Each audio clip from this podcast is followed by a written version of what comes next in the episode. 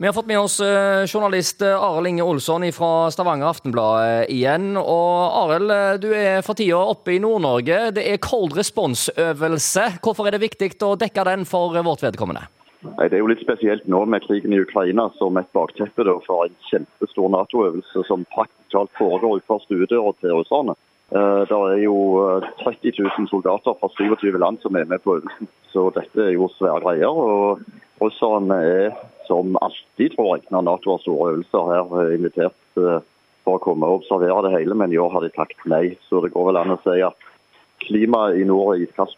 Ja, Det er helt uh, opplagt. Jeg ser at svenskene òg deltar på øvelsen. Hva tenker du om det?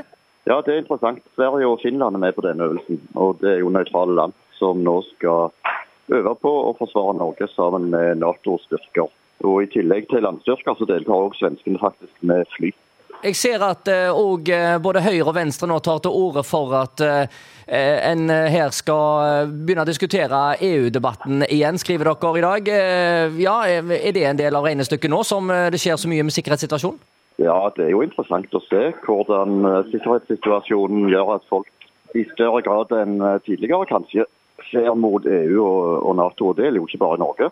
Hvis vi legger Nato inn i regnestykket, så er jo det aktuelt i Sverige og Finland. Mer enn noen gang.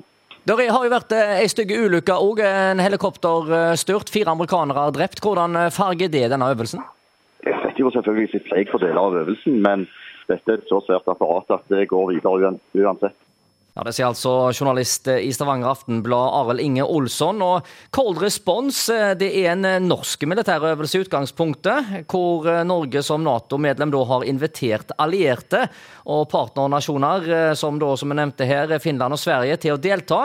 Øvelsen gjennomføres 14. og fram til og med 31. mars. Men allerede faktisk fra høsten i fjor har allierte styrker vært i Norge for å trene og forberede seg på denne øvelsen. Så det er altså snakk om en gigantisk øvelse. Så mye som 30 000 soldater er det som deltar i denne øvelsen.